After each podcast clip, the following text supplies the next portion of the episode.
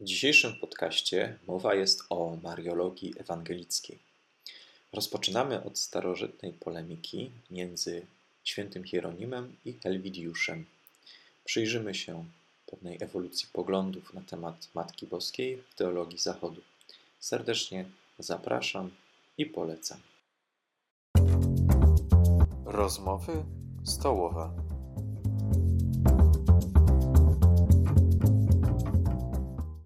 Witam wszystkich Państwa bardzo serdecznie na dzisiejszym kolejnym spotkaniu e, w ramach rozmów stołowych. E, dzisiejszym tematem będzie Mariologia z perspektywy ewangelickiej. Skupimy się głównie na tekście e, autorstwa świętego Hieronima. Tekst nazywa się Przeciw Helwidiuszowi o wieczystym dziewictwie błogosławionej Maryi.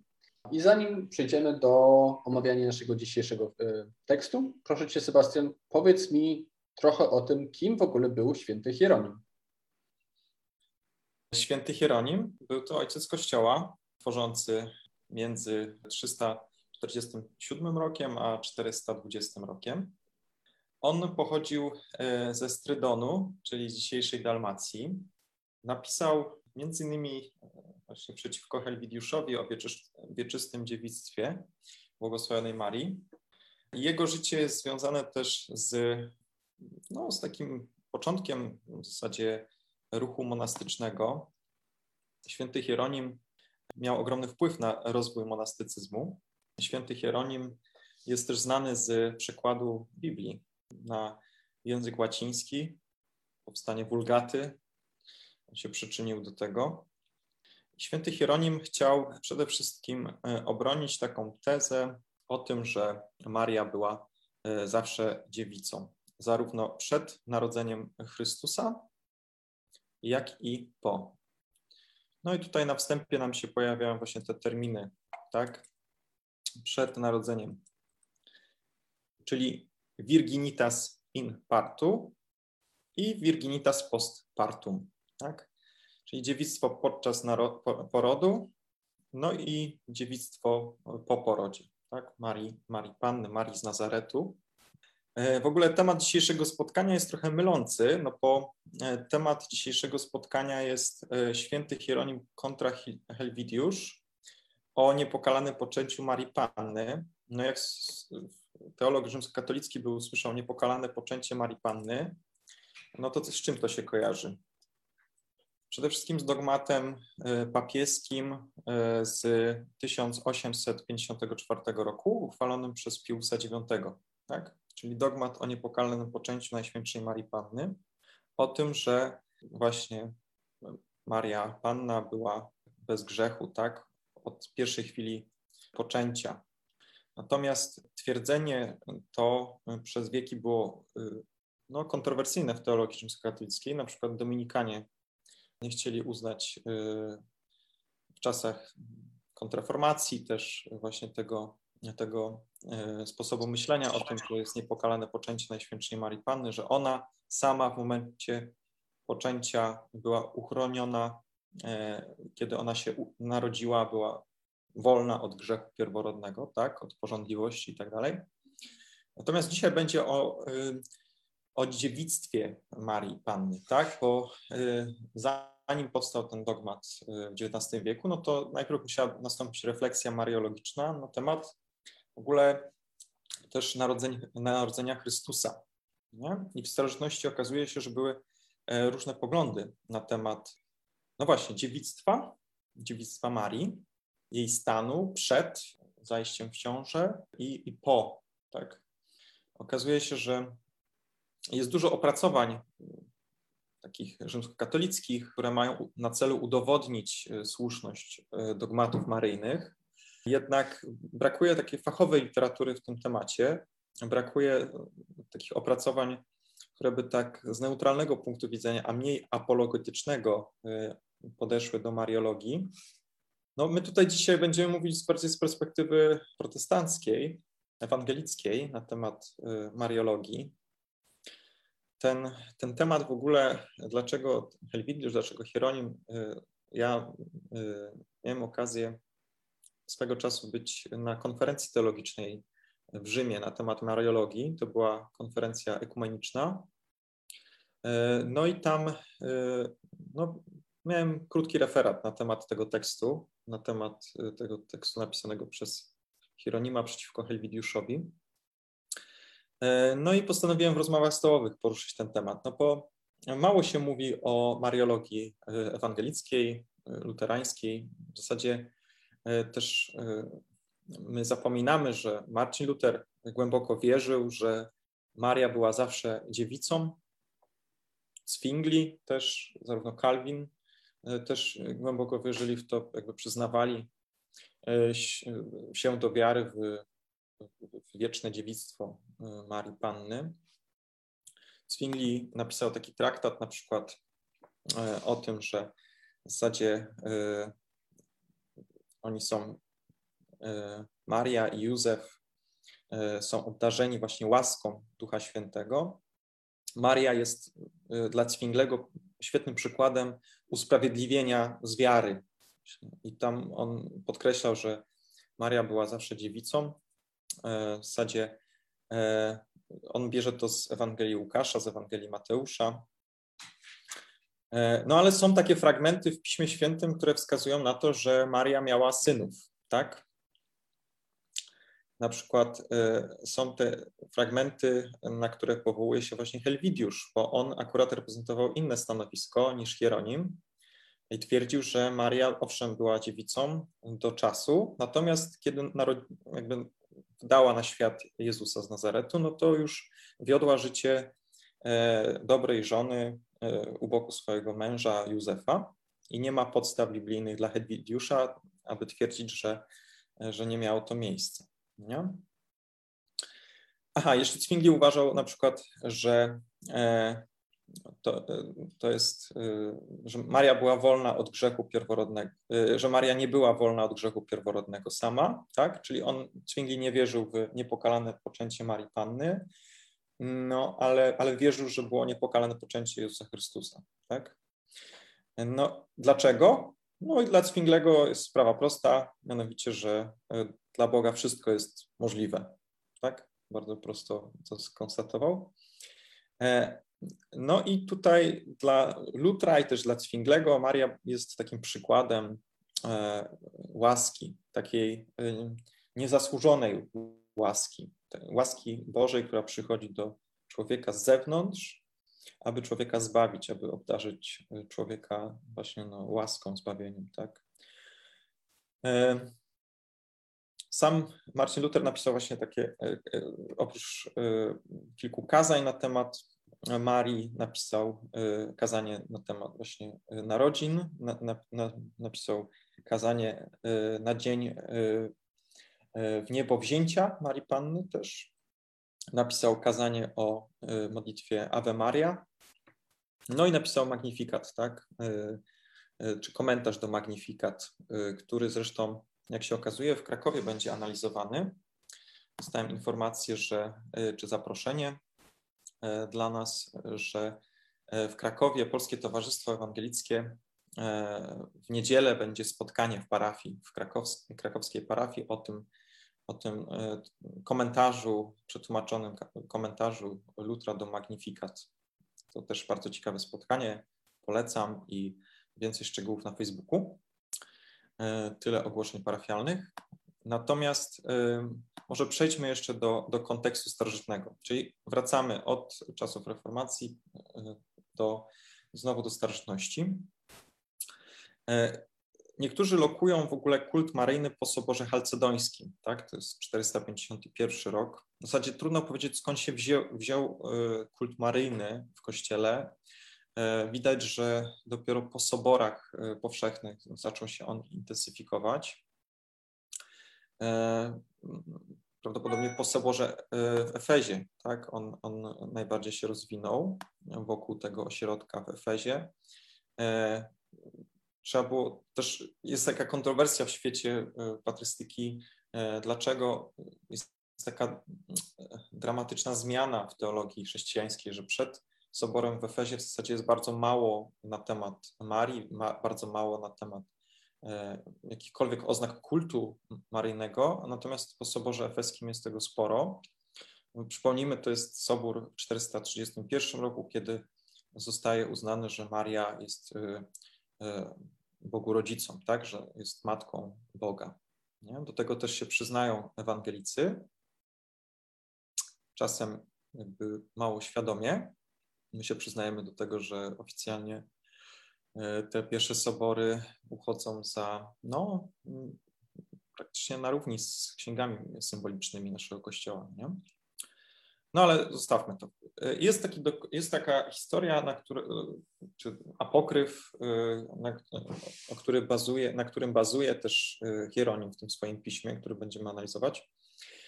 On się ten apokryf nazywa Protoewangelia Jakuba to on powstał w późnym II wieku po Chrystusie.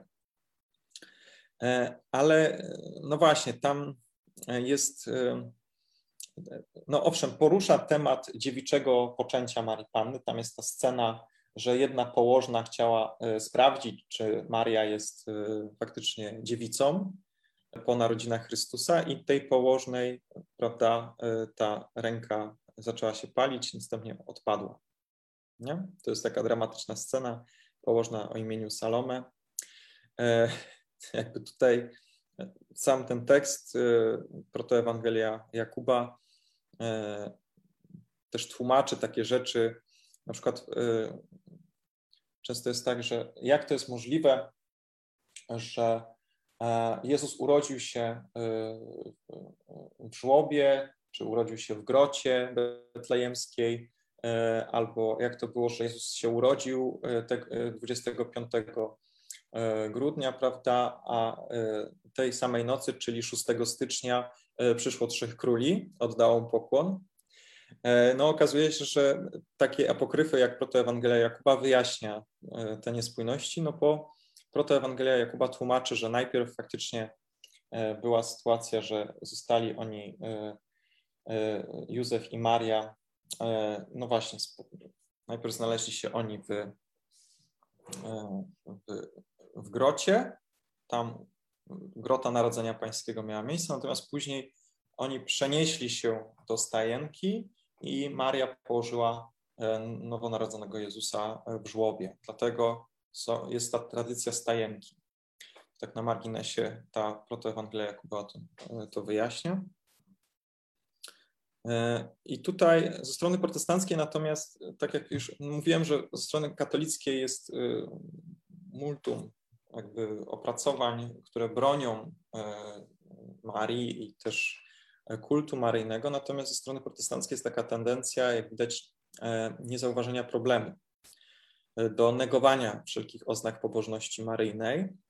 No i też w ogóle zarówno przed soborem, jak i po soborze efeskim praktycznie w kręgach protestanckich nie zauważa się e, ani tego Lutra, ani tego Zwinglego, którzy jak najbardziej optowali za Marią. Owszem, nie oddawali jej czci, ale, ale jednak sporo dobrego o niej powiedzieli.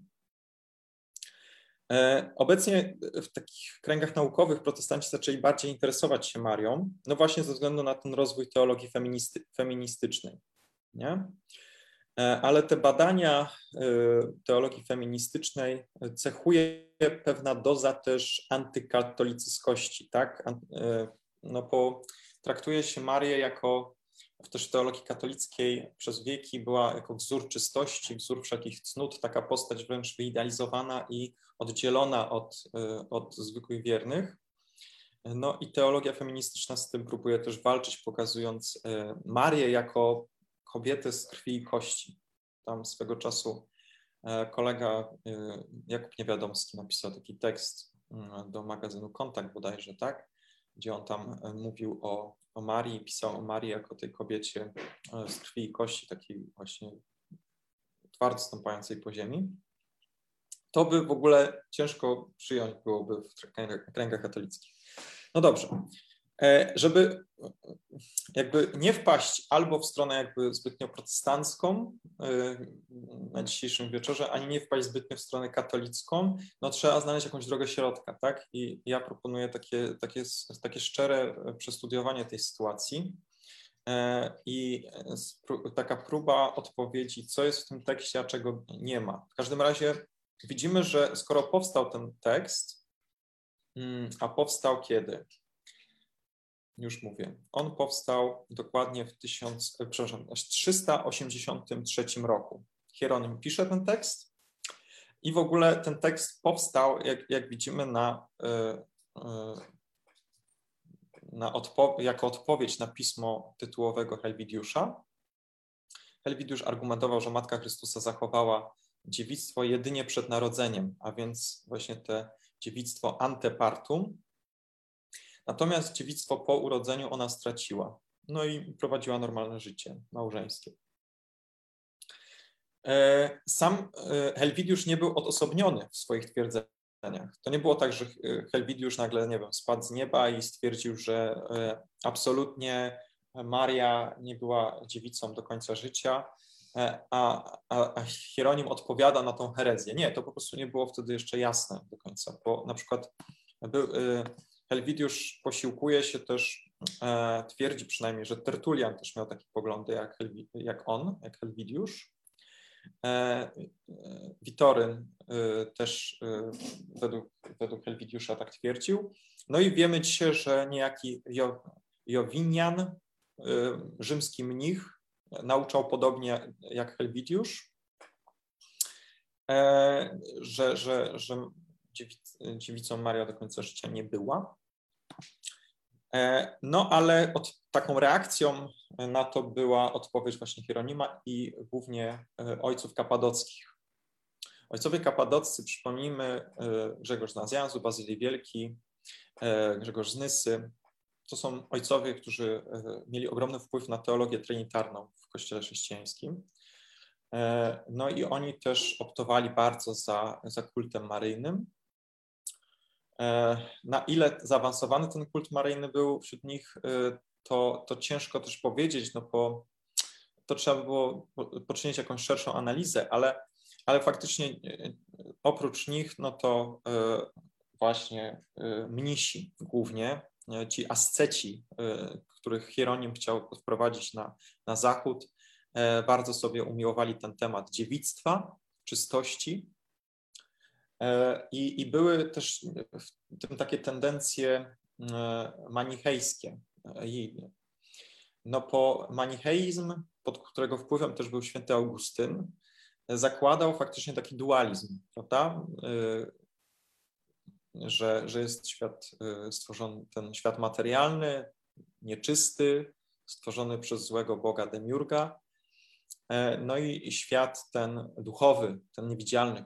I trzeba po prostu dążyć do ascezy, do e, zaprzestania wszelkich rządz, aby się z tego świata e, materialnego wyzwolić. Ogromny wpływ też miało na, no, na kształtowanie kultu maryjnego i na takie pojmowaniu Marii e, kult świętej Tekli. Święta Tekla była nie, nie jest wymieniona w Nowym Testamencie, natomiast krążyły takie apokryfy, o, o e, który nosi tytuł Dzieje Pawła i Tekli. To jest apokryf, według którego Tekla była uczennicą apostoła Pawła, od niego otrzymała chrzest. Po nawróceniu zerwała zaręczyny z poganinem. To, to spowodowało, że była skazana na stos. Została uratowana w sposób cudowny z tego stosu i w zasadzie do, do końca życia żyła jako, jako dziewica. Święty Ambrożyn, Ambroży z Mediolanu bardzo sobie umiłował e, tę historię świętej Tekli e, i pokazywał, zresztą święty Ambroży, też Atanazy y, wielki pisali o, o dziewictwie bardzo dużo e, i pisali te, te teksty głównie do dziewic konsekrowanych w tamtych czasach, e, aby pokazać, że święta Tekla, a także Maria, one świecą prawdziwym przykładem dziewictwa. Ale byli też autorzy, tak jak wcześniej, oprócz e, Helwidiusza i Jowianiana, Jowiniana, przepraszam, Jowiniana, i, i innych. E, byli też teologowie, którzy e, na przykład Jan Chryzostom tak, uważał, że, e, że Maria prawdopodobnie no, nie by, znaczy Jan Chryzostom sam wprost z tego co pamiętam nie napisał, że Maria nie była dziewicą do końca życia, natomiast Jan Chryzostom E, działający w Syrii, e, stwierdził, że Maria wykazuje się pewnego rodzaju pychą, na przykład w Kanie Galilejskiej. Według Jana Chryzostoma jest tam taka sytuacja, że prawda, mamy Jezusa, proszą Jezusa o, przepraszam, proszą najpierw Marię, żeby ona zareagowała. No i Jan Chryzostom interpretuje tę historię, że w zasadzie motywem Marii było zaimponowanie gościom i zwrócenie na siebie większej uwagi. Dlatego Jezus tak zwięźle odpowiada: Niewiasto, czego chcesz ode mnie? Czy czego chcesz ode mnie, niewiasto? Chodziło o to, żeby po prostu, mówiąc krótko, e, Maria zbyt wiele myślała o sobie, natomiast Jezus w tej historii e, sprowadza ją na miejsce. Tak, tak Jan Chryzostom. Czyli przypomnijmy, jeden z ważniejszych ojców Kościoła, żyjący między 350 rokiem a 407, no faktycznie e, interpretował, tak? nie ceni sobie w każdym razie tak dziewicy tak, jak, tak wysoko jak, jak inni mu współcześni. Na przykład ten, który go wygryzł, on się nazywał, bodajże z tego co pamiętam, som, e, e, Sevarian, e, Sevarian Gaballa. On był współczesny Janowi Chrystomowi, on tworzył bardzo dużo tekstów na temat dziewictwa Marii. W każdym razie jest ten cały, cała debata w starożytności i nie ma jednoznacznej opinii na temat dziewictwa Marii. Ok, przechodząc do tego tekstu, bo już troszkę rozgadałem. E, e, jedna uwaga, zanim no. zaczniesz tylko do wszystkich nas oglądających. Gdyby ktoś e, z Was chciał otworzyć sobie ten, ten tekst, link wkleiłem zarówno w opisie do transmisji, jak i w komentarzu, więc wszystko jest do znalezienia. I przypominam o możliwości zadawania komentarzy pod naszą transmisją. Wszystkie będą przeczytane pod koniec. Dzięki. Pierwszym w ogóle, w ogóle ten, ten tekst należy podzielić na kilka spraw. Jest przede wszystkim w pierwszych dwóch paragrafach jest e, przyczyna i cel napisania listu. W trzecim paragrafie jest pierwsze twierdzenie Hieronima. E, tam Hieronim coś takiego pisze. Mateusz mówi, iż z narodzeniem Chrystusa było tak. Po zaślubinach jego matki Marii z Józefem, zanim zamieszkali razem, znalazła się w stanie błogosławionym za sprawą Ducha Świętego. Mąż jej, Józef, będąc człowiekiem prawym i nie chcąc jej narazić na zniesławienie, zamierzał ją potajemnie opuścić. Gdy nosił się z tą myślą, ukazał mu się we śnie anioł pański i rzekł: Józefie, synu Dawida, nie bój się wziąć na siebie Marii, twojej małżonki, bo to, co się w niej poczęło, jest dziełem Ducha Świętego. Ewangelia Mateusza, pierwszy rozdział, 18-20 wers. I tutaj komentarz Hieronima. Oto mówi, chodzi o zaślubioną, a nie jak twierdzisz, tu się zwraca do Helwidiusza, o powierzoną opiece i oczywiście nie o innym celu zaślubin, lecz aby ją wziąć za żonę. E, bo o tych, którzy by nie chcieli ze sobą mieszkać, nie powiedziałby ewangelista, zanim zamieszkali razem. Podobnie jak nikt o tym, który nie ma zamiaru jeść śniadania, nie powie, zanim zjadł śniadanie. Następnie nazwał ją anioł małżonką złączoną. Posłuchajmy, jak wyraża się Pismo Święte. Jan wstał, Józef wstał ze snu i uczynił tak, jak mu polecił anioł pański, wziął swoją małżonkę do siebie, ale jej nie poznał, aż zrodziła swego syna.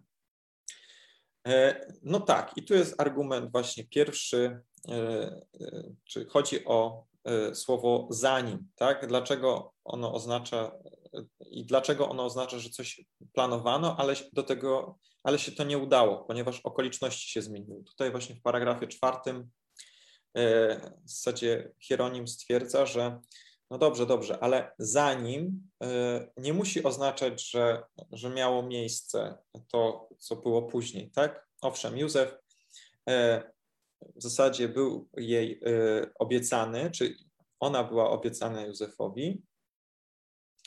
Chciał ją opuścić, gdy dowiedział się, że jest w ciąży, ale gdy nosił się z tą myślą, anioł mu się objawił. E, no i tak dalej. I faktycznie, zanim zamieszkali razem, Elwidiusz twierdzi, że aż do, aż do czasu, aż zamieszkali razem, oni mogli współżyć, natomiast Hieronim twierdzi, że no, że niekoniecznie. Przejdźmy więc poszczególne punkty i ścigajmy bezbożność na jej drodze, pisze Hieronim, wykazując sprzeczności, w jakie się zaplątała. Helwidiusz nazywa Marię zaślubioną, ale wnet mieni małżonką tę, która nazwała zaślub, nazwał zaślubioną. E, no tutaj taki mało e, jakby ważny szczegół, dla, znaczy dla argumentacji samego Hieronima istotny, tak, bo sam, sam Hieronim e, do końca nie uznaje, że, że Maria była całkowicie małżonką właśnie Józefa. Potem zaś nazywa ją małżonką, mówi, że w tym celu została poślubiona, aby zostać małżonką, abyśmy nie przeszli nad tym łatwo do porządku dziennego, zaznacza, była zaślubiona, a nie tylko dana w opiekę. Nie? To znaczy nie była jeszcze małżonką, ani związana węzłem małżeńskim. Jeśli zaś chodzi o jego mniemanie, iż o tych, którzy nie chcieliby razem zamieszkać, nie powiedziałby ewangelista, zanim zamieszkali razem. Gdyż nikt o takim, kto, który nie zamierza śniadać, nie powie, zanim zjadł śniadanie. Nie wiem, czy mam z nim, e, czy mam z nim współczuć, czy go wyśmie, wyśmiać, sądzić o głupotę, czy o lekkomyślność. Jak gdyby zdanie, zanim zjadłem w porcie śniadanie, pożeglowałem do Afryki, miało sens tylko w tym założeniu, że raz się musi zjeść w porcie śniadanie lub gdy się chce powiedzieć, zanim Paweł pojechał do Hiszpanii, został uwięziony w Rzymie. Albo zanim Helwidiusz uczynił pokutę, śmierć go zaskoczyła. No to taki przytyk w nos, e, prawda, w kierunku Helwidiusza. E, musiał Paweł po niewoli jechać do Hiszpanii Helwidiusz po swojej śmierci musi czynić pokutę, bo mówi Pismo Święte, któż cię będzie wychwalał w krainie umarłych. Czyż nie należy tak tego rozumieć, że spójnik w cudzysłowie za nim, choć często wskazuje na to, co rzeczywiście następuje, przecież czasem oznacza tylko to, o czym przedtem myślano. Stąd niekoniecznie zamiar musi zostać wykonany, jeśli w międzyczasie zaszło coś takiego, że go nie można było uskutecznić. Gdy więc ewangelista mówi, zanim zamieszkali razem, wskazuje, że czas, w którym poślubiona miała zostać żoną, był daleki, że sprawa tak się przedstawiła, iż zaślubiona zaczęła już być małżonką. Jak gdyby powiedział, zanim się pocałowali, objęli, zanim dopełnili małżeństwa, poczęła. Lecz o tym dowiedział się nie kto inny jak Józef, który postępując, postępującą brzemienność przy swym prawie, jakie mu jako mężowi przysługiwało, spostrzegł ku swemu zdziwieniu. Z tego jednak, jak to widzieliśmy na poprzednich przykładach, nie wynika wcale, że zamieszkał z Marią po zrodzeniu skoro żądanie takie, takiego zamieszkania wskutek poczęcia nie, mało, nie miało miejsca. Wypowiedziane zaś do Józefa we śnie słowa, nie bój się przyjąć Marii, swojej małżonki, czy też Józef, przebudziwszy się, uczynił tak, jak mu polecił anioł pański i przyjął w domu swą małżonkę, nie mogą upoważniać do wniosku, iż nazwaną małżonką, nazwana małżonką przestała być zaślubiona. Znamy bowiem zwyczaj Pisma Świętego, nazywania zaślubionej żoną. Widać to ze słów Księgi Powtórzonego Prawa. Jeśli mężczyzna znalazł na polu dziewczynę zaślubioną, zadał jej gwałt i spał z nią, on sam umrze, który z nią spał. I w innym miejscu, jeśli dziewica została zaślubiona mężowi, a znalazł ją kto inny w mieście i spał z nią, wyprowadźcie oboje do bramy miasta i ukamienujcie, aż umrą. Dziewczynę za to, że że krzyczała, będąc w mieście, a mężczyznę za to, że zadał gwałt żonie bliźniego swego. Usuńcie zło spośród siebie. I tak dalej, i tak dalej. Ogólnie pokazuje tutaj e, właśnie Helwidiusz swoje, swoje stanowisko, że zanim nie musiało, mogło oznaczać, że coś planowano, ale okoliczności się zmieniły. Dlaczego Maria została, dlaczego Maria poczęła, zanim została żoną Józefa? No otóż jest odpowiedź na, na ten temat e, w kolejnym, prawda, e, w kolejnej części e, tej historii. Tutaj jest ten fragment, gdzie jest faktycznie mowa o tej, o tej pannie, tak? Jeśli zaś, ma, jeśli zaś kto ma trudność, mamy, jesteśmy na stronie 83, jeśli zaś kto ma trudność, że Maria poczęła jako zaślubiona, a nie jako panna od czasu, kiedy była bez oblubieńca, czy jak mówi pismo, bez, bez męża, niech wie, że złożyły się na to trzy przyczyny. Po pierwsze, aby przez genealogię Józefa, którego Maria była krewną, można było poznać również pochodzenie Marii. Po drugie, aby według prawa mojżeszowego nie ukamienował jej lud jako wiarołomny. Po trzecie, aby uciekając do Egiptu miała pomoc, jeśli nie męża, to przynajmniej opiekuna. Któż by bowiem w tym czasie uwierzył, że Panna poczęła z Ducha Świętego i przyszedł do niej anioł Gabriel, aby jej zanieść Boże posłannictwo? Czyż nie skazałby jej na śmierć wszyscy, jak to widzimy na przykładzie Zuzanny? Bo jeszcze dziś, choć już cały świat wierzy, występują Żydzi ze słowami Izajasza. Oto Panna pocznie i porodzi syna, zaznaczając, że w hebrajskim jest dziewczyna Alama, ale nie Panna Betula. Lecz z nim, z nimi rozprawia się lepiej w innym miejscu. No i faktycznie niby obiecuje, ale tak naprawdę e, nie wraca do tego za bardzo. Zresztą pomijając Józefa, Elżbietę i samą Marię oraz kilku innych, którzy o tym nie mogli słyszeć, wszyscy uważali Jezusa za syna Józefa. Także nawet ewangeliści jako wierni historycy nawiązują do opinii ludu, nazywając Józefa ojcem Zbawiciela. Na przykład e, za natchnieniem ducha przyszedł Symeon do świątyni w chwili, gdy rodzice wnosili dziecię Jezusa, aby postąpić z nim według pra przepisów prawa. Gdzie indziej ojciec jego i matka dziwili się temu, co o nim mówiono. I znowu, jego rodzice chodzili co roku do Jerozolimy na święto Paschy. I w końcu, po upływie dni świątecznych wybrali się w drogę powrotną, lecz dziecię Jezus pozostało w Jerozolimie, a jego rodzice nie zauważyli jego.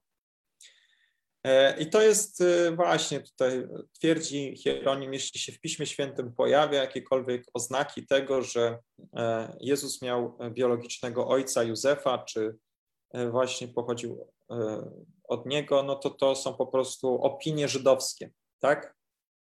No jest w tym trochę taki antysemityzm, powiedział Hieronima.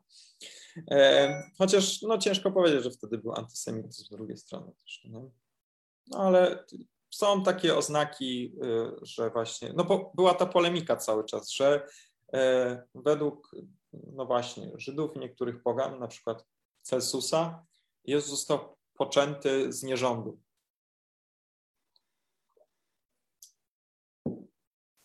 to były po prostu opinie. Na, na ten temat są y, opracowania, ale, ale nie dzisiaj o tym. Um, ok. Jest taki fragment w Piśmie Świętym. Pierwsza, e, pierwszy list, e, pierwsza, pierwszy rozdział Ewangelii Mateusza. E, tu jest akurat jesteśmy na 84 stronie. Przebudziwszy się, uczynił Józef tak, jak mu polecił anioł pański. Wziął swą małżonkę do siebie, lecz jej nie poznał, aż porodziła syna, którego któremu nadał imię Jezus. I komentarz Hieronima do tego. Najpierw męczy się jednak przeciwnik nadmiernym wysiłkiem, aby wykazać, iż poznać należy zrozumieć o akcie małżeńskim, a nie o duchowej czynności poznania. Jak gdyby kto temu przeczył, lub jak gdyby to rozumny przepadł, przepadał za głupotami, o które on walczy. Dalej chce nas pouczyć. Chodzi oczywiście o Helwidiusza, który twierdził prawdopodobnie, że poznać E, w tym znaczeniu chodziło o, o uprawianie seksu, tak? E, o współżycie. Jak, e, I tak dalej. Tutaj Hieronim śmieje się z Telwidiusza i tak dalej, drwi sobie z niego. Dalej chce nas pouczyć, że partykuła aż do oznacza określony czas, po którego upływie dzieje się to, co dotąd się nie działo, jak w tym przypadku. I nie poznał jej, aż urodziła syn. Z tego mówi, wynika, iż Maria została poznana po zrodzeniu, co przez zrodzenie syna było tylko odłożone. Na dowód przytaczy, przytacza mnóstwo przykładów z Pisma Świętego i na wzór gladiatorów macha mieczem w ciemności, aby tym, aby tym zranić tylko siebie. Argument y, Hieronima w tym miejscu jest taki, że w zasadzie y, słowo poznać no, niekoniecznie musi oznaczać y, współżyć ze sobą. Nie? E, ale też owszem, no, to jest, no właśnie, poznać należy, owszem, w akcie małżeńskim, ale przecież nikt nie wątpi, że oznacza to często przez duchową czynność, na przykład Ewangelia Łukasza, drugi rozdział, 43 werset. Dziecię Jezus pozna, pozostało w Jerozolimie, a jego rodzice go nie poznali. Nie? Dalej, jeśli chodzi o partykułę aż do, zwyczajowi Pisma Świętego nie sprzeciwia, co według tego jego własnej wypowiedzi oznacza określony punkt czasu, ale często nieokreślony, jak na przykład tam, gdzie Bóg u proroka mówi do niektórych, aż do waszej starości ja będę też sam i aż do siwizny ja was podtrzymam. Księga Izajasza, 46 rozdział, 4 werset. No i Hieronim pyta retorycznie, czyż po ich starości Bóg ich przestał istnieć? Zbawiciel też mówi w Ewangelii do apostołów, jestem z wami przez wszystkie dni, aż do skończenia świata. Czyli co? Po skończeniu świata Pan opuści swoich apostołów? No, odpowiedź brzmi nie. Kiedyż więc zasiądą na dwunastu tronach, aby sądzić dwanaście pokoleń Izraela? Czyż będą wtedy pozbawieni obecności Pana? Również apostoł Paweł pisze w liście do Koryntian: Chrystus jest pierwszy, potem ci, co należą do Chrystusa w czasie jego przyjścia. Wreszcie nastąpi koniec, gdy e, przekaże królowanie Bogu Ojcu i gdy pokona wszelką zwierzchność, władzę i moc. Trzeba bowiem, ażeby królował, aż położy wszystkich nieprzyjaciół pod swoje stopy. Jako ostatni wróg zostanie pokonany śmierć. Wszystko bowiem rzucił pod stopy jego. Tak. Czyli mamy trzecią tezę e, Hieronima, mianowicie znaczenie słów poznać i aż do. E, w kolejnych paragrafach w zasadzie e, mówi Helwidiusz o, o tym, dlaczego Józef zachował wstrzemięźliwość. No bo jesteśmy na 86 stronie. Pyta na koniec, dlaczego Józef zachował wstrzemięźliwość aż do narodzin. Oczywiście Helwidiusz odpowie, ponieważ usłyszał od anioła, co się w niej poczęło, jest dziełem Ducha Świętego. Na to zapytuję, z pewnością usłyszał też Józefie, synu Dawida, nie bój się przyjąć do siebie Marii, swej małżonki. Otrzymał znak odpuszczenia jej, e, opuszczenia jej i uważania za wiarołomną małżonkę. Czyż mógł, niech odpowie Helwidiusz, myśleć prawy mąż o współżyciu małżeńskim z żoną, wiedząc, iż miała w swym łonie Bożego Syna? Dobrze więc, kto tak dalece wierzył widzeniu sennemu, iż nie ośmielił się dotknąć swojej żony, czyż ten śmiał się zbliżyć do świątyni Bożej, do mieszkania Ducha Świętego, do matki swojego Pana, gdy z ust pasterzy usłyszał, że anioł pański stąpił z nieba i powiedział do nich, nie bójcie się, oto donoszę wam wielką radość, która będzie udziałem całego ludu. Dziś w mieście Dawida narodził się wam Zbawiciel, którym jest Mesjasz Pan. I tutaj bierze e, Hieronim, no właśnie tak pod włos Helwidiusza, pokazując, że no właśnie e, Józef zapewnie zachowywał wstrzemięźliwość, no bo jeśli to, co się narodziło z Marii jest święte i w ogóle jest Synem Bożym, no to tym bardziej powinien e, zachować wstrzemięźliwość. Jakby tutaj Hieronim w ogóle nie przyjmuje takich no jest trochę odrealniony, jak dla mnie w tym wszystkim. Jest to taki argument, że tak powiem, mm, bardziej emocjonalny. Jednak afektywny tutaj jest bardzo dużo takich no, stwierdzeń afektywnych bardzo. No. E, Okej. Okay. I on tutaj się rozważa. Są to, powiesz, dziewiąty, dziewiąty paragraf, są to, powiesz, dla mnie puste słowa, nic e, nie mówiące dowody, raczej ciekawe wody niż trafne roztrząsania. Czyż nie mogło Pismo Święte wyrazić i przyjął małżonkę swoją i nie śmiał jej już dotykać, jak to powiedziano o Tamarze i Judzie? Czy brakowało słów Mateuszowi, których by wypowiedział to, co chciał dać do zrozumienia? Czytamy, nie poznał jej, aż zrodziła syna. A więc poznał ją po zrodzeniu, skoro poznanie odłożył aż do zrodzenia. No i to jest właśnie e, argument Hieronima z kolei jest dalej taki, że Helwidiusz nie jest w stanie wskazać, kiedy Józef współżył z Marią. To jest dla Hieronima w zasadzie szachmat. O, patrzcie, nie jesteś w stanie wskazać w zasadzie, kiedy oni współżyli, no bo jest problem trochę z tymi dniami oczyszczenia. Tak? Zgodnie z Księgą Kapłańską, 12 rozdziałem, E, jeśli kobieta zaszła w ciążę, urodziła chłopca, pozostanie przez 7 dni nieczysta, tak samo jak podczas stanu nieczystości spowodowanej przez miesięczne krwawienie. Ósmego dnia chłopiec zostanie obrzezany, potem ona pozostanie przez 33 dni dla oczyszczenia krwi, nie będzie dotykać niczego świętego. E, zaraz może, i Hieronim pisze, zaraz może Józef iść do niej, zaraz ma słuchać Jeremiasza, stali się wyuzdani i nieokiełznani niby konie, każdy rży do żony swojego bliźniego. Jak więc można było się wyrazić? Nie poznał jej, aż porodziła syna. Jeśli Józef po czasie oczyszczenia jeszcze czeka, jeśli tak, długo opanowane pragnienie znów przez 40 dni ma być oddalone, jeszcze we krwi leży matka, akuszerki bawią płaczące dziecię. To jest, z tymi akuszerkami to jest wzięte właśnie z tej, z tej protoewangelii Jakuba, tak? A mąż obejmuje wyczerpaną żonę. W takich okoliczności musi się zacząć małżeńskie współżycie, jeśli ewangelista nie śmie kłamać. Jak można coś podobnego przypuszczać o matce Zbawiciela i prawym mężu? Nie było to przecież akuszerki ani innych kobiet. Sama owinęła dziecię w pieluszki, sama była matką i akuszerką i położyła go, czytamy, w żłóbku, bo nie było miejsca w gospodzie. E, to zdanie obala wymysły apokryfów, skoro Maria sama owinęła dziecię w pieluszki, nie dopuszcza też, jak chce Helwidiusz, pożycia, pożycia małżeńskiego, skoro nie było miejsca w gospodzie.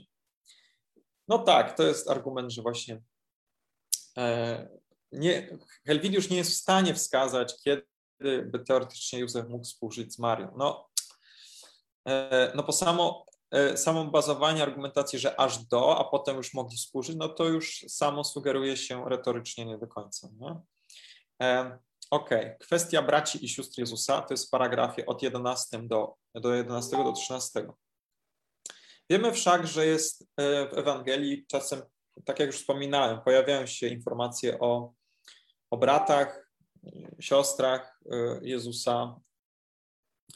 E, no i to jest argument, tak, dla, dla, dla wielu, między innymi dla, dla Helwidiusza, że jest, to są po prostu e, biologiczni rodzeni bracia.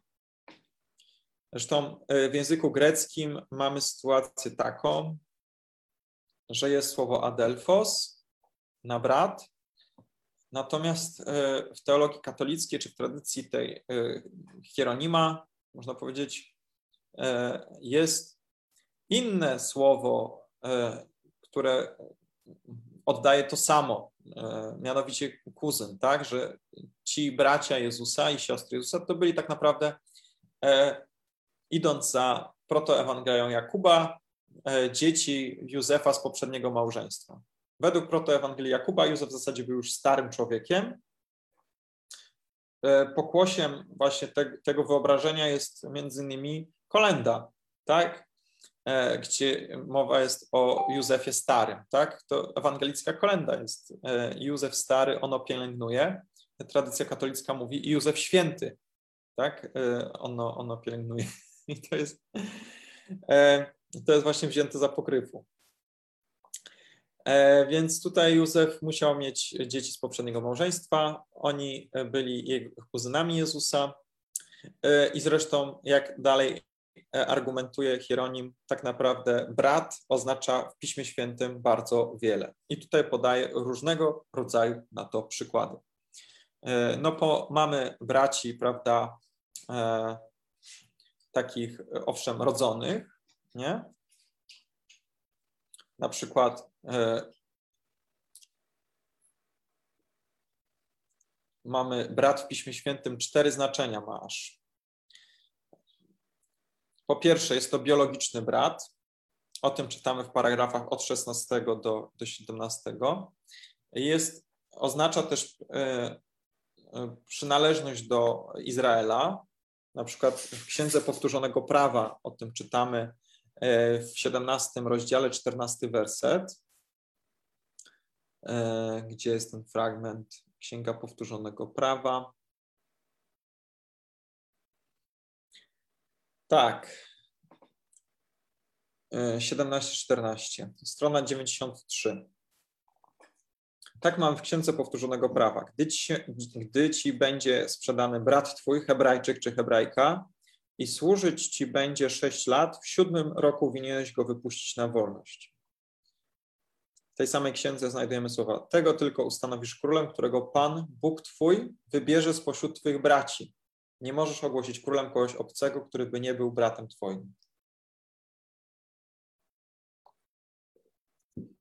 Tu nie chodzi o rodzonego brata w tekście hebrajskim, tylko o ogólnie współplemieńca, członka e, tego, no właśnie, narodu wybranego. Oprócz tego mamy sytuację, że są to brat, bratem można nazwać krewnego z najbliższej rodziny. E, mowa jest o tym na przykład w Księdze Rodzaju e, w 12 rozdziale. E, w rzeczywistości tak, czytamy o tym tam, że Lot wybrał sobie krainę nad Jordanem i wyruszył ku wschodowi. I tak się rozłączyli bracia jego jeden od drugiego. W rzeczywistości nie był Lot bratem Abrahama, lecz synem jego brata Arama. Tara bowiem zrodziła Abrahama, Nahora i Arama, a Aram Lota. I znowu Abram miał 75 lat, gdy wyszedł z Haranu i wziął Sarę, swą żonę i Lota, syna brata swego. I tu się Hieronim zwraca do Helwidiusza. Gdybyś jeszcze miał wątpliwość, iż bratem można nazwać bratanka, weź pod uwagę następny przykład. Gdy usłyszałem Abrama, że pojmano Lota, brata jego, dobrał sobie 318 spośród sług domu swego. Czyli mamy przykład, że krewni z najbliższej rodziny mogą oznaczać braci. W psalmie 133, werset pierwszy, znajdujemy dowód według Hieronima na to, że można nazwać kogoś bratem, e, kierując się uczuciem braterstwa. Dzięki duchowej miłości wszyscy chrześcijanie nazywają się braćmi. Na przykład, oto ja dobrze, oto jak dobrze i miło, gdy bracia mieszkają razem albo według innego tłumaczenia, jak dobrze i miło, gdy bracia w wschodzie żyją, tak? Lub opowiem imię Twoje moim braciom, psalm 22, werset 23. Albo Zbawiciel mówi, idź do braci moich i powiedz im, Ewangelia e, Jana, 20 rozdział. E, w zwykłym znaczeniu, pochodząc od jednego Ojca, jesteśmy wszyscy spokrewnieni. Mówicie tym, którzy nas nienawidzą, braćmi naszymi jesteście. E, również apostoł Paweł, według Hieronima, tutaj przytacza przykład właśnie listu do Koryntian, z takimi, który, który nosi miano brata, a mimo to prowadzi życie nieczyste, jest chciwcem, bałwochwalcą, oszczercą, pijakiem lub złodziejem. Z takim człowiekiem nie znajdziecie, nie zasiadajcie do jednego stołu. Pierwszy list do Koryntian, piąty rozdział, 11 wers. Tak, czyli argument Hieronima jest taki. Jezus był spokrewniony z E, z tymi, o których pisze na przykład właśnie e, o których piszą ewangeliści, poprzez więzy, takie, takie więzy jak mniej więcej Abraham i, i Lot.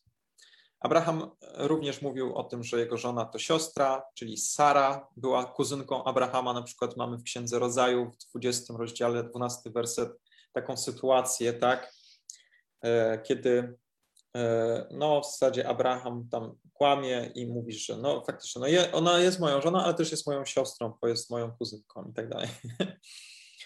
E, Hieronim zarzuca Helwidiuszowi też zbrodnię w ogóle na, na taką, że chce zadać kłam i w ogóle krzywdzi dziewicę.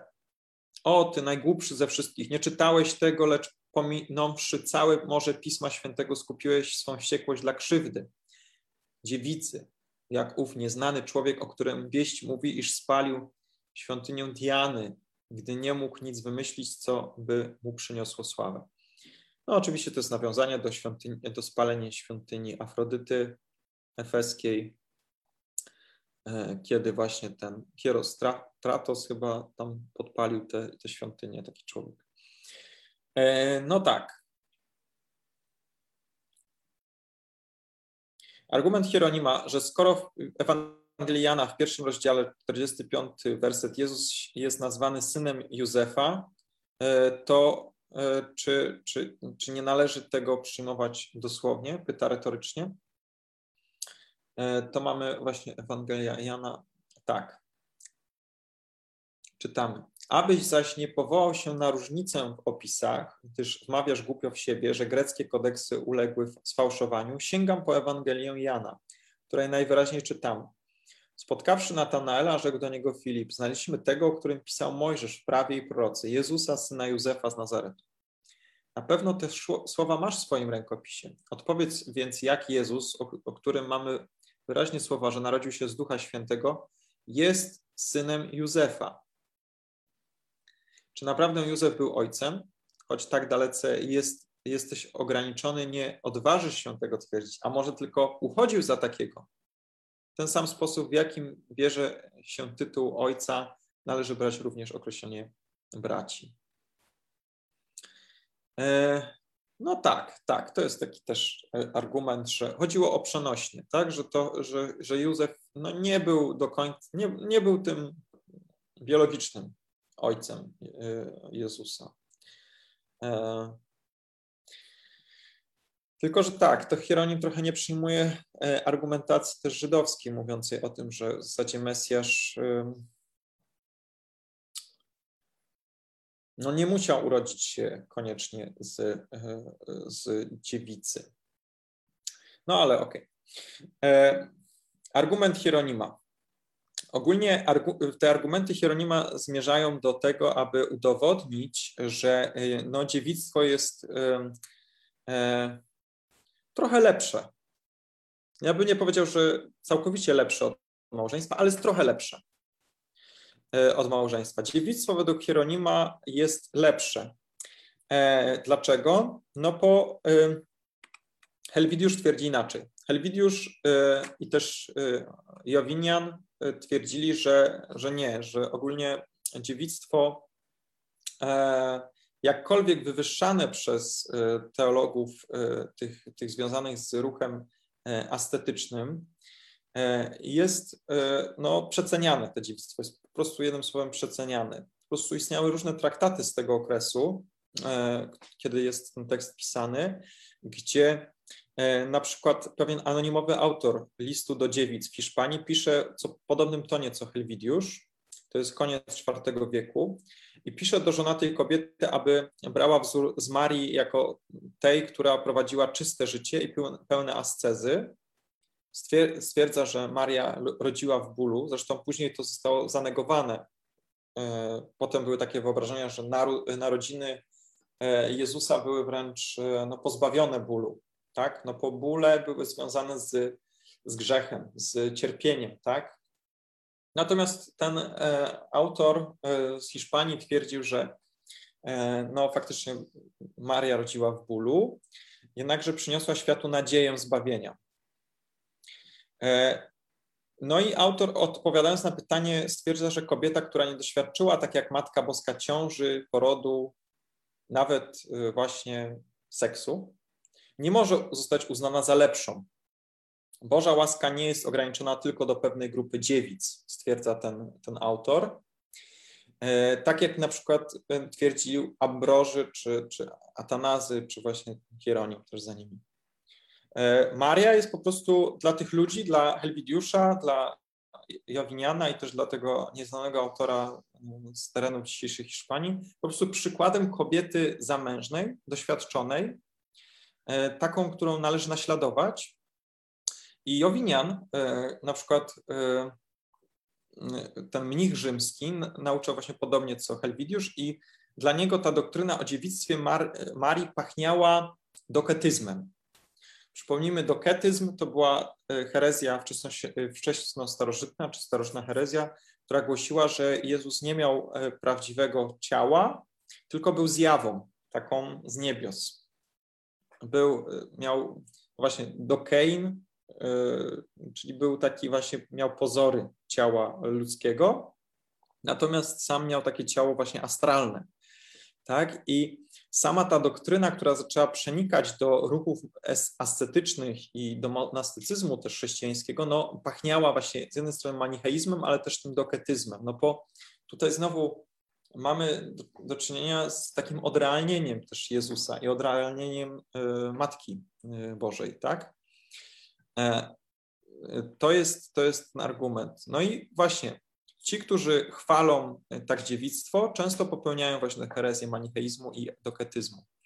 E, I dla Jowiniana ten okres, e, kiedy Maria jest dziewicą, to może służyć za wzór dla dziewic chrześcijańskich. Natomiast okres, kiedy ona już jest zamężna, wyszła za, jakby została poślubiona Józefowi, kiedy oni żyją razem pod jednym dachem, to już jest okres, kiedy ona jest wzorem macierzyństwa, wzorem też pożycia małżeńskiego. Nie? To jest jakby taki argument y, tychże. Jakieś tutaj komentarze są?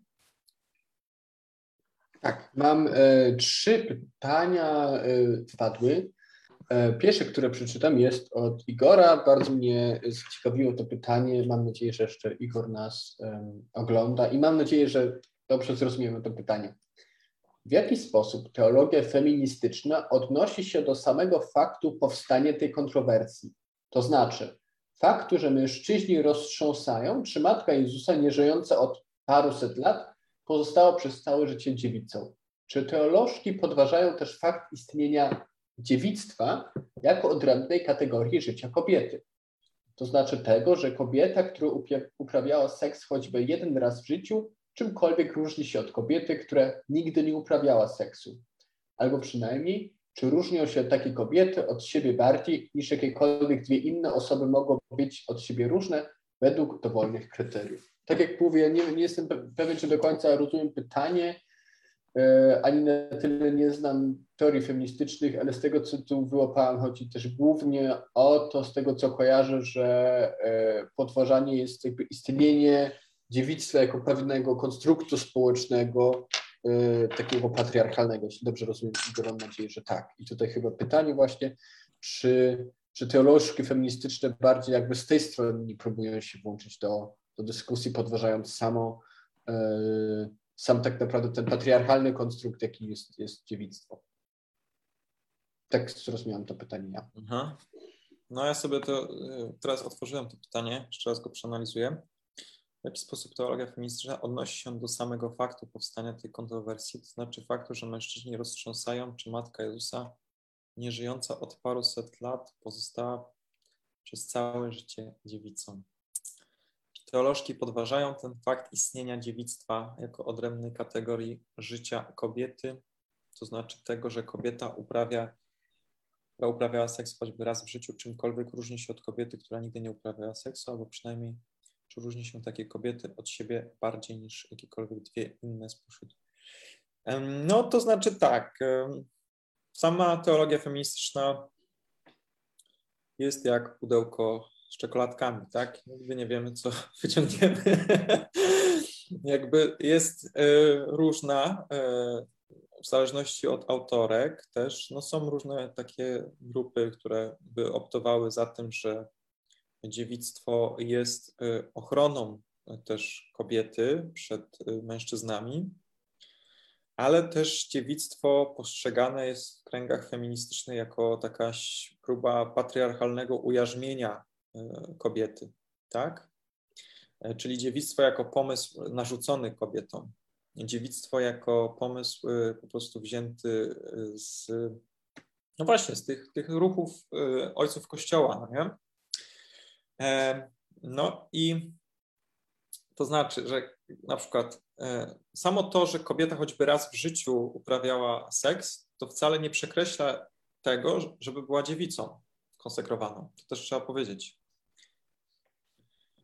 E, bycie dziewicą konsekrowaną e, jest w zasadzie według teologii rzymskokatolickiej, ja nie jestem ekspertem, ale tak słyszałem, że można być dziewicą czyli zobowiązać się do takiego prowadzenia życia wstrzemięźliwego, nawet jeśli biologicznie się tą dziewicą już nie jest, czyli się już uprawiało seks kiedyś w życiu.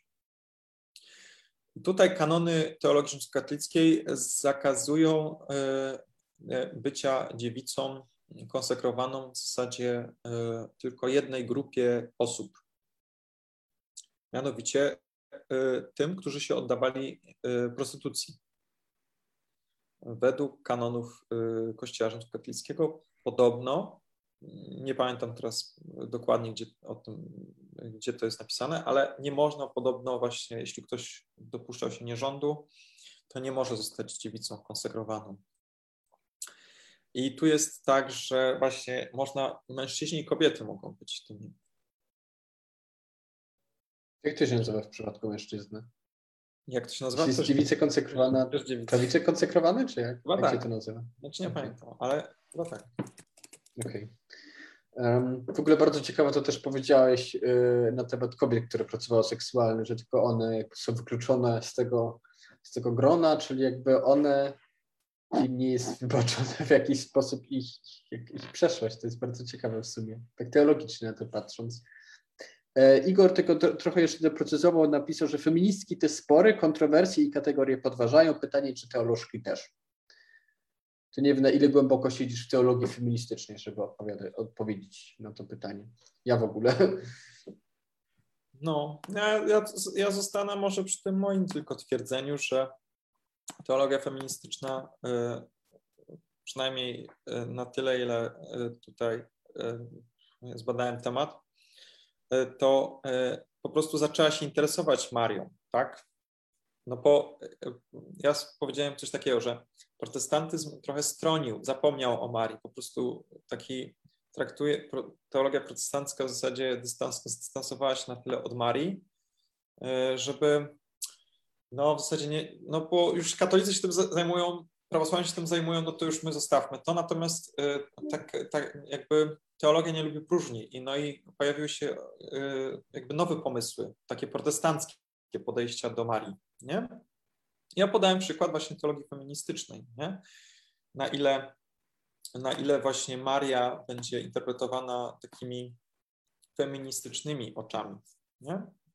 gdzie ja mogę, nie wiem, tutaj może jakieś notatki mi się, y, czy tam w Rzymie akurat była też perspektywa feministyczna, e, tylko te notatki gdzieś sobie gdzieś schowałem. Była tam taka e, teolożka z Niemiec, która przedstawiała e, zagadnienia teologii feministycznej i podejście feminizmu do Marii. Ok, drugie pytanie. Tak, drugie pytanie e, przyszedłem od pana Kamila. W Mateusz 1,18 jest sformułowanie prin e syneltein, zanim się zeszli. Czy Maria nie musiała być zaślubiona Józefowi? Być może była na okresie shiduchin, zgodnie poprzedzających zaręczyn lub eirusin zaręczyn, dlatego zgodnie ze zwyczajami żydowskimi nie mieszkali razem. Pytanie. Hmm, tak. Jest tutaj, widzę to pytanie. Jest spromowanie Lin and Simultane, zanim się zeszli. Czy Maria nie musiała być zaślubiona? Być może była w okresie Shiduchin, uzgodnienie poprzedzające zaręczyny Dlatego zgodnie z zwyczajem. Znaczy, na, jakby tutaj się za bardzo a, nie zagłębili e, ani Hieronim, ani Helwidiusz Możliwe, że tak, że tu jest e, jakby sam, samo e, małżeństwo e, w tej tradycji żydowskiej tamtych czasów składało się z dwóch etapów, tak? Kiedy tych zaręczyn jakby unormowanych przez rodziców, to był po prostu traktat taki między dwiema rodzinami. Często było tak, że kobieta była jeszcze nieletnia, E, no i dopiero e, jakby kiedy był e, no właśnie ta ceremonia, to, to widać po głosie tej, tej, tej sytuacji w przypowieściach o pannach, tak? O dziesięciu pannach, tych, tych mądrych i głupich. Kiedy one przychodzą na właśnie na wesele, na ucztę do pana młodego, do oblubieńca, no i chodziło o to, że e, no właśnie e, ten etap tak zwany, kiedy ona zamieszkuje w domu e, oblubieńca, no to ona zostaje przyjęta jakby do rodziny i to małżeństwo zostaje skonsumowane, tak? No ale faktycznie Józef i Maria znajdowali się pomiędzy temu, pomiędzy tym, tym, tym wydarzeniem, no nie?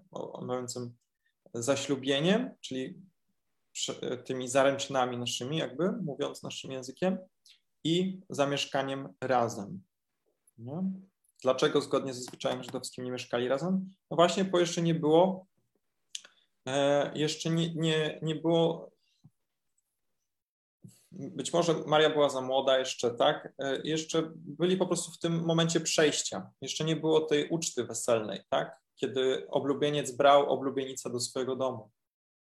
I faktycznie istniał zwyczaj taki, że e, Józef miał możliwość opuszczenia e, jej w tym momencie i to nie byłoby hańbą dla niej. Natomiast gdyby opuścił ją później, dałby jej tak zwany list rozwodowy, no to wiązałoby się to z hańbą. No bo ciężarna kobieta, e, nieposiadająca męża, mąż ją od, oddalił, no to to by było jeszcze jakąś tam hańbą. Nie?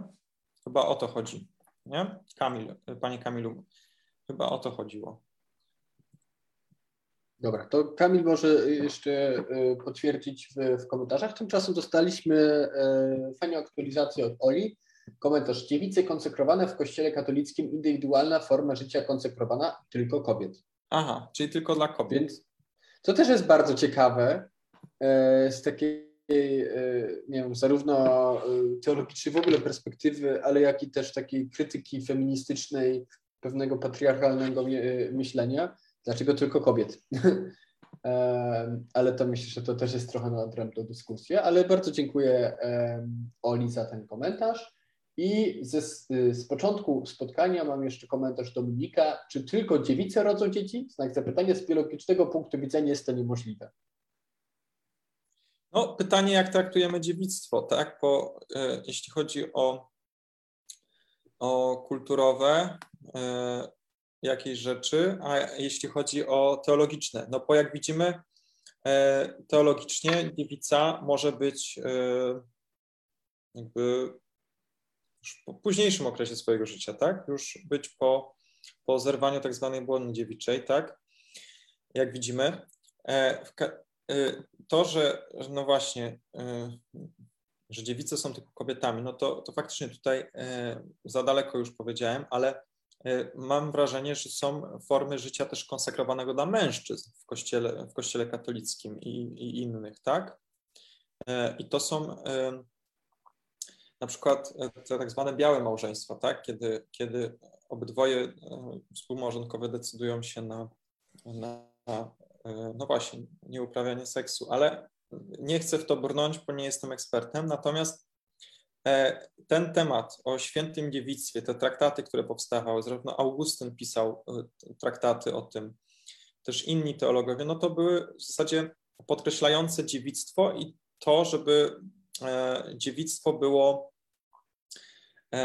no, ja bym powiedział, czasem nawet lepsze od małżeństwa. Nie?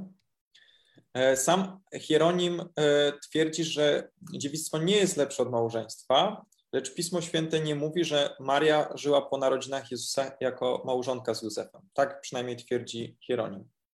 Możliwe więc, że Józef nie współżył z nikim e, dzięki dziewictwu Marii w ogóle. Hieronim stawia taką tezę dość ekstremalną, że prawdopodobnie i Józef nie, nie był dziewicą już do końca życia. W tym sensie już nie uprawiał seksu z nikim. Czytamy o tym w fragmencie, dokładnie w tych paragrafach. E, e, e, zaraz, zaraz. 21 mm, paragraf. Lecz jak nie przeczymy temu, co jest napisane, tak odrzucamy to, co napisane nie jest. Wierzymy, że Bóg narodził się z dziewicy, bo o tym czytamy, ale że Maria żyła po małżeństwie, po zrodzeniu, nie wiemy, nie wierzymy, bo o tym nie czytamy. I nie dlatego tak mówią, jakbym gardził małżeństwem, bo nawet dziewictwo jest owocem małżeństwa, ale że nam nie wolno lekkomyślnie wydawać sądu o świętych mężach. Bo gdyby chodziło o czystą możliwość, można by nawet twierdzić, że Józef miał więcej żon. Skoro ich więcej miał Abraham i Jakub i że z tych żon są bracia Pana, jak to wielu zmyśla, nie z pobożności, lecz z zuchwałej lekkomyślności. Ty twierdzisz, że Maria nie poznała nie pozostała dziewicą, a ja idę dalej i twierdzę, że Józef e, żył w dziewictwie dzięki Marii. Bez dziewiczego małżeństwa dziewiczy syn się narodził. Skoro bowiem na świętego męża nie można, nie może paść nawet podejrzenie pozamałżeńskiego pożycia, a nie ma napisane, że miał inną żonę, skoro wreszcie był dla Marii raczej stróżem niż mężem, jasne jest, iż ten, który zasłużył na nazwę Ojca Pana, pozostał z Marii, Marią Dziewicą. No to tutaj wręcz wprost y, Hieronim mówi o, o, o Józefie jako o dziewicy. No dobrze. Tak, jeszcze mamy y, dwa komentarze. Y, tak. Dwa komentarze od, od, znowu od, od Oli, bardzo dziękuję. Ja się wybronię z tych e... komentarzy, ojej. tak, ale będziemy powoli kończyć. Tak, Ola tylko pisze, że dziewicą, poprawiając znowu Ciebie, dziewicą konsekrowaną może zostać kobieta po 25 roku życia, mhm. która nigdy nie zawarła małżeństwa, ani jawnie nie przyczyła czystości w swoim życiu. Oprócz prostytucji może tu podpadać mieszkanie z mężczyzną bez sakramentalnego związku. Okay. Więc nie tylko i wyłącznie kobieta, e, która y, zarabiała z prostytucji. I drugi komentarz jej, że y, tylko śluby czystości, czystości dla mężczyzn. Rozumiem, że jakby, że nie ma tutaj tego dziewictwa konsekrowanego, ale są śluby czystości dla mężczyzn. Albo białe małżeństwo, ale tu zaznaczając, że dla ważnej przyczyny to białe małżeństwo musi być. I jeszcze y, ostatni. To jest stan dzisiejszy. To jest, trzeba powiedzieć, że to jest stan dzisiejszy, tak? Natomiast w starożytności było, była taka kontrowersja, e, czy zgwałcone dziewice przez pogańskich, e, prawda, żołdaków, legionistów, czy one są już dziewicami do końca życia. I okazuje się, że, że Augustyn je bronił i twierdził, że, że tak, ojcowie Kościoła broniły, bronili dziewicy, powiedzieli, że skoro zostały one przymusowo zgwałcone, to ten gwałt y, jakby nie, nie rzutuje na ich stan konsekrowany. O. Nie? To bardzo też I, y, warto wspomnienia. I mamy ostatnie pytanie od y, znowu Kamila, który już też pytanie jedno zadał. Mam jeszcze inne pytanie. Ksiądz doktor, chyba mówi o tobie, Mówił, że w Kanie Galilejskiej e, dostrzec można było u Marii pychę według pewnej interpretacji. Nie do końca dosłyszałem tylko według jakiej. Z kolei Luther, omawiając jej wizytę u e, krewnej Elżbiety, stawiał w swoich kazaniach Marię jako wolnej od wszelkiej pychy. Luther wysnuł taką myśl, cytuję, Maria mogła była powiedzieć, mam teraz dosyć, jestem Matką Bożą i mam Syna Bożego w swoim żywocie, byłoby mi wstydem, żebym komukolwiek służyła, powinnam siedzieć w fotelu i mieć wokół siebie sześciu służących, e, e, służące, które by mi służyły. Ale ona tego nie czyni, idzie dalej i chce innym służyć. służyć. Reanimując, jaka, jak, było, jak było z tą pychą, przed narodzinami Jezusa jej, jej nie miała, a po narodzinach Jezusa przed nastąpieniem pierwszego w, w Kanie była ją przepełniona. Czyli generalnie pytanie o, o to, żebyś to precyzował, dokładnie o co chodziło z tą pychą Marii w Kani Tak, tam się e, może ma, za mało precyzyjnie wyraziłem. E, zaraz sobie to otworzę. O, jest. Chodziło mi o e, taki argument e, Jana Chryzostoma. Jan Chryzostom e, jakby komentował też e, ten fragment dotyczący Kanny Galilejskiej Jan Chryzostom e, był takim zwolennikiem tradycji antiocheńskiej. Wiemy, że w starożytności były takie dwie tradycje interpretacji Pisma Świętego. Bardziej alegoryczna, e, w okolicach właśnie, czy ta, ta tak zwana szkoła antiocheńska, e, aleksandryjska, ta alegoryczna. Natomiast szkoła antiocheńska to była ta szkoła związana z taką interpretacją bardziej historyczną, dosłowną, taką, żeby ten tekst był interpretowany bardziej, mniej alegorycznie, a bardziej historycznie. Nie? No i Jan Chryzostom był niejako zwiastunem tej tradycji antiocheńskiej. E, też niejaki, uwaga, potępiony przez Efes Nestoriusz. Tak? Nestoriusz twierdził, że e, Maria była, nie, była Bogu rodzicą, ale była matką Chrystusa. Nie była E, Teotokos, tylko Christotokos. Nie? I za to został Nestoriusz potępiony. W każdym razie Jan Chryzostom e, nie bał się w swoich pismach identyfikować wad charakteru Marii. No i używał ich jako przykładu moralnych, takich przykładów dla swoich zborów. Na przykład Jan interpretuje właśnie tę e, synoptyczną tradycję napięć między Jezusem a jego krewnymi, w tym jego matką, no, wskazując na tą niewiarę, którą Jezus stara się naprawić. Na przykład mamy takie fragmenty, że nawet jego matka i jego bracia e, w niego nie wierzyli, tak? E, I to są fragmenty gdzieś tam wskazujące na to, na przykład e, choćby ten tekst, który ostatnio był omawiany w kościołach, oczyszczenie Jezusa, kiedy Symeon oraz Anna Rokini tam chwalą, wychwalają Boga, powidzą w now, małym Jezusie właśnie Mesjasza obiecanego, to wtedy Maria i Józef w zasadzie tylko zachowują te słowa w swoim sercu. Nie? No i Jan Chryzostom właśnie twierdził, że Maria w Kanie Galilejskiej no tak chciała zaimponować gościom, chciała zwrócić na siebie większą uwagę, tak? Natomiast obecnie się mówi, że ona nie chciała zwracać na siebie uwagę, ale chciała, wskazywała na Chrystusa, tak? Bardziej się mówi, czyńcie to, co On wam nakazuje. Natomiast Jan Chrysostom bierze te słowa, e, czego chcesz ode mnie niewiasto? Tutaj kładzie e, emfazę, tak? Nacisk kładzie na te, czego chcesz ode mnie niewiasto, przeszkadzasz mi i tak dalej, no nie? E, no i to jest, to przynajmniej taki fragment znalazłem u, u Jana Chryzostoma, tak? Który on mówi o tym, o tym, o tym napięciu przy, przy, przy Kani Galilejskiej, tak? Dobra, to chyba żadnych nowych pytań już nie ma. Bardzo dziękuję wszystkim osobom, które nas oglądały, zwłaszcza tym, które komentowały, dając nam pytania albo, albo wskazówki, jakieś informacje. Dziękuję też Tobie, Sebastianie, za, za przygotowanie tego spotkania. No ale jeszcze jakiś komentarz, no bo tutaj jest jakby pewne rzeczy niewyjaśnione, bo samo to na przykład, że e, no właśnie, e, jest to docenienia dziewictwa, tak? Hieronim w zasadzie ukształtował pobożność i, i też podejście do, do ludzkiej seksualności w średniowieczu to trzeba powiedzieć, bo e, Hieronim e, w zasadzie e, i, i też jemu podobni, ci, którzy tak bardzo doceniali dziewictwo, w jakiś sposób no, mieli wpływ na, na Marię, na postrzeganie Marii i też czystości Marii, ale też na całą antropologię średniowiecza, tak? E, z tego się bierze właśnie to, że e, skoro augustyński e, pogląd, że człowiek rodzi się w grzechu, matka jego poczęła go w grzechu i się rodzi w grzechu i ten grzech przekazuje człowiek z pokolenia na pokolenie za pomocą aktu seksualnego. Dlatego Chrystus przyszedł właśnie pozbawiony grzechu pierwotnego, pozbawiony aktu seksualnego, narodził się, aby nas zbawić.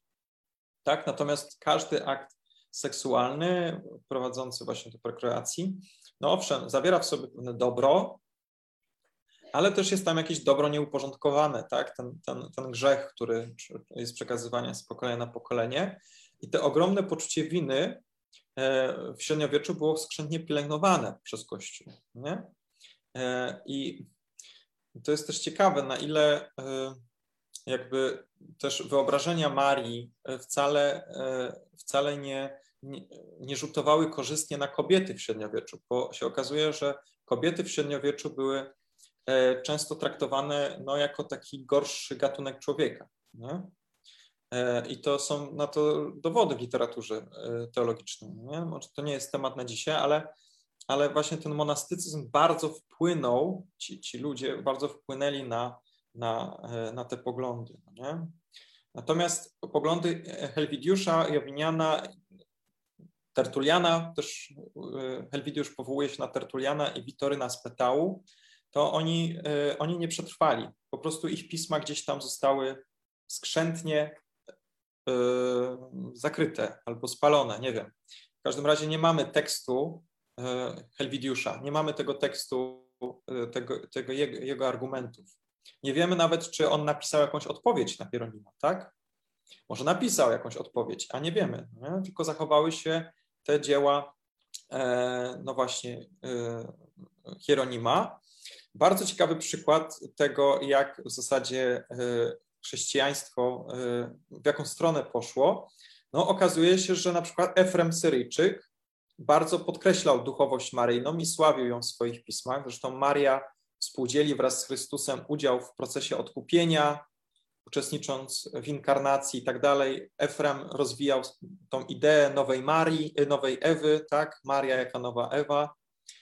No i pamiętamy ten psalmistę z Efrena, który się analizuje na zajęciach z biblistyki, to jest nic innego jak żywot świętego Efrema, E, który został napisany na kartach Pisma Świętego. Tak? Uznano, że Pismo Święte nie jest istotne, a żywot Efrema Syryjczyka jest istotny i jego postać jest istotniejsza niż jeden z najstarszych zachowanych kodeksów Pisma Świętego. Także to pokazuje bardzo, bardzo wiele. Ok, to chyba tyle. E, dzięki za uwagę, dzięki, że byliście tutaj i za te komentarze. E, bardzo przepraszam, jeśli nie wyjaśniłem wszystkiego tak precyzyjnie i dokładnie, no ale nie jestem teologiem katolickim, e, a tylko takim, takim czytelnikiem tego, tego tekstu i tam pewnych rzeczy nie ma, a niektóre są. Dlatego odsyłam do źródła i zachęcam do przeczytania tego tekstu i wyrobienia sobie własnego też zdania.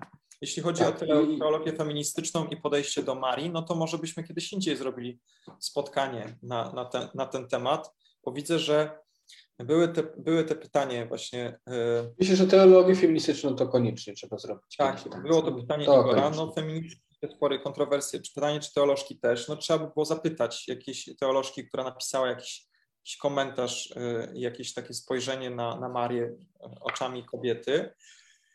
Ja muszę powiedzieć jeszcze raz, zapraszam na spotkanie e, w Krakowie, tak? To spotkanie autorskie. Ono jest, jak, jak, jak znajdziemy je i udostępnimy na naszej stronie. Dzięki serdecznie, dzięki. Tak, zanim skończysz, tylko oczywiście polecajki. Polecamy zalajkować nasz profil na Facebooku. Jakby ktoś nie był w stanie oglądać nas na Facebooku albo wolę o formie audio, to jesteśmy też na Spotify, Apple Podcast, y, a nasze nagrania też rzucamy na YouTubie.